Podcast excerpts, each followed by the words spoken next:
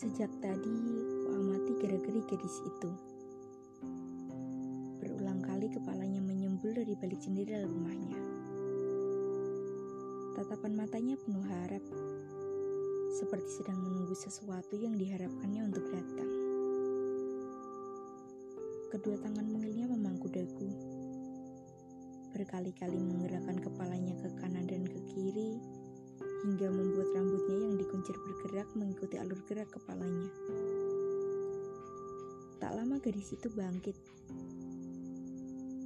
Tak terlihat lagi di jendela rumahnya. Melainkan ia sekarang terlihat murung duduk di depan teras rumahnya. Masih dengan tatapan mata yang sama tentunya. Penuh harap si ibu keluar dari dalam rumahnya, menghampiri gadis kecilnya yang tengah murung di teras rumah. Dinda, ayo masuk nak, jangan murung di luar seperti ini.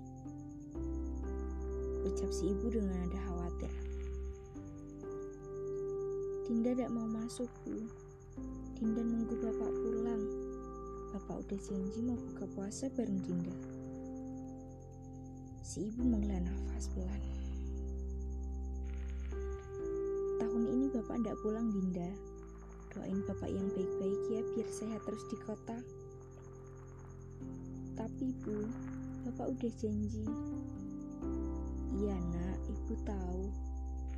Nanti kita video call bapak waktu buka puasa ya. Biar serasa kalau Dinda buka puasa bareng bapak. Setuju? Dinda mengangguk, meski tak bersemangat sebenarnya. Jangan marah sama bapak ya. Dinda menggeleng. Dinda ndak marah, Bu. Dinda paham.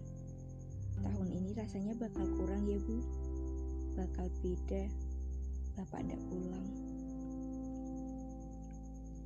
Si ibu menarik Dinda dalam pelukannya, lalu menggadangnya untuk masuk ke dalam rumah.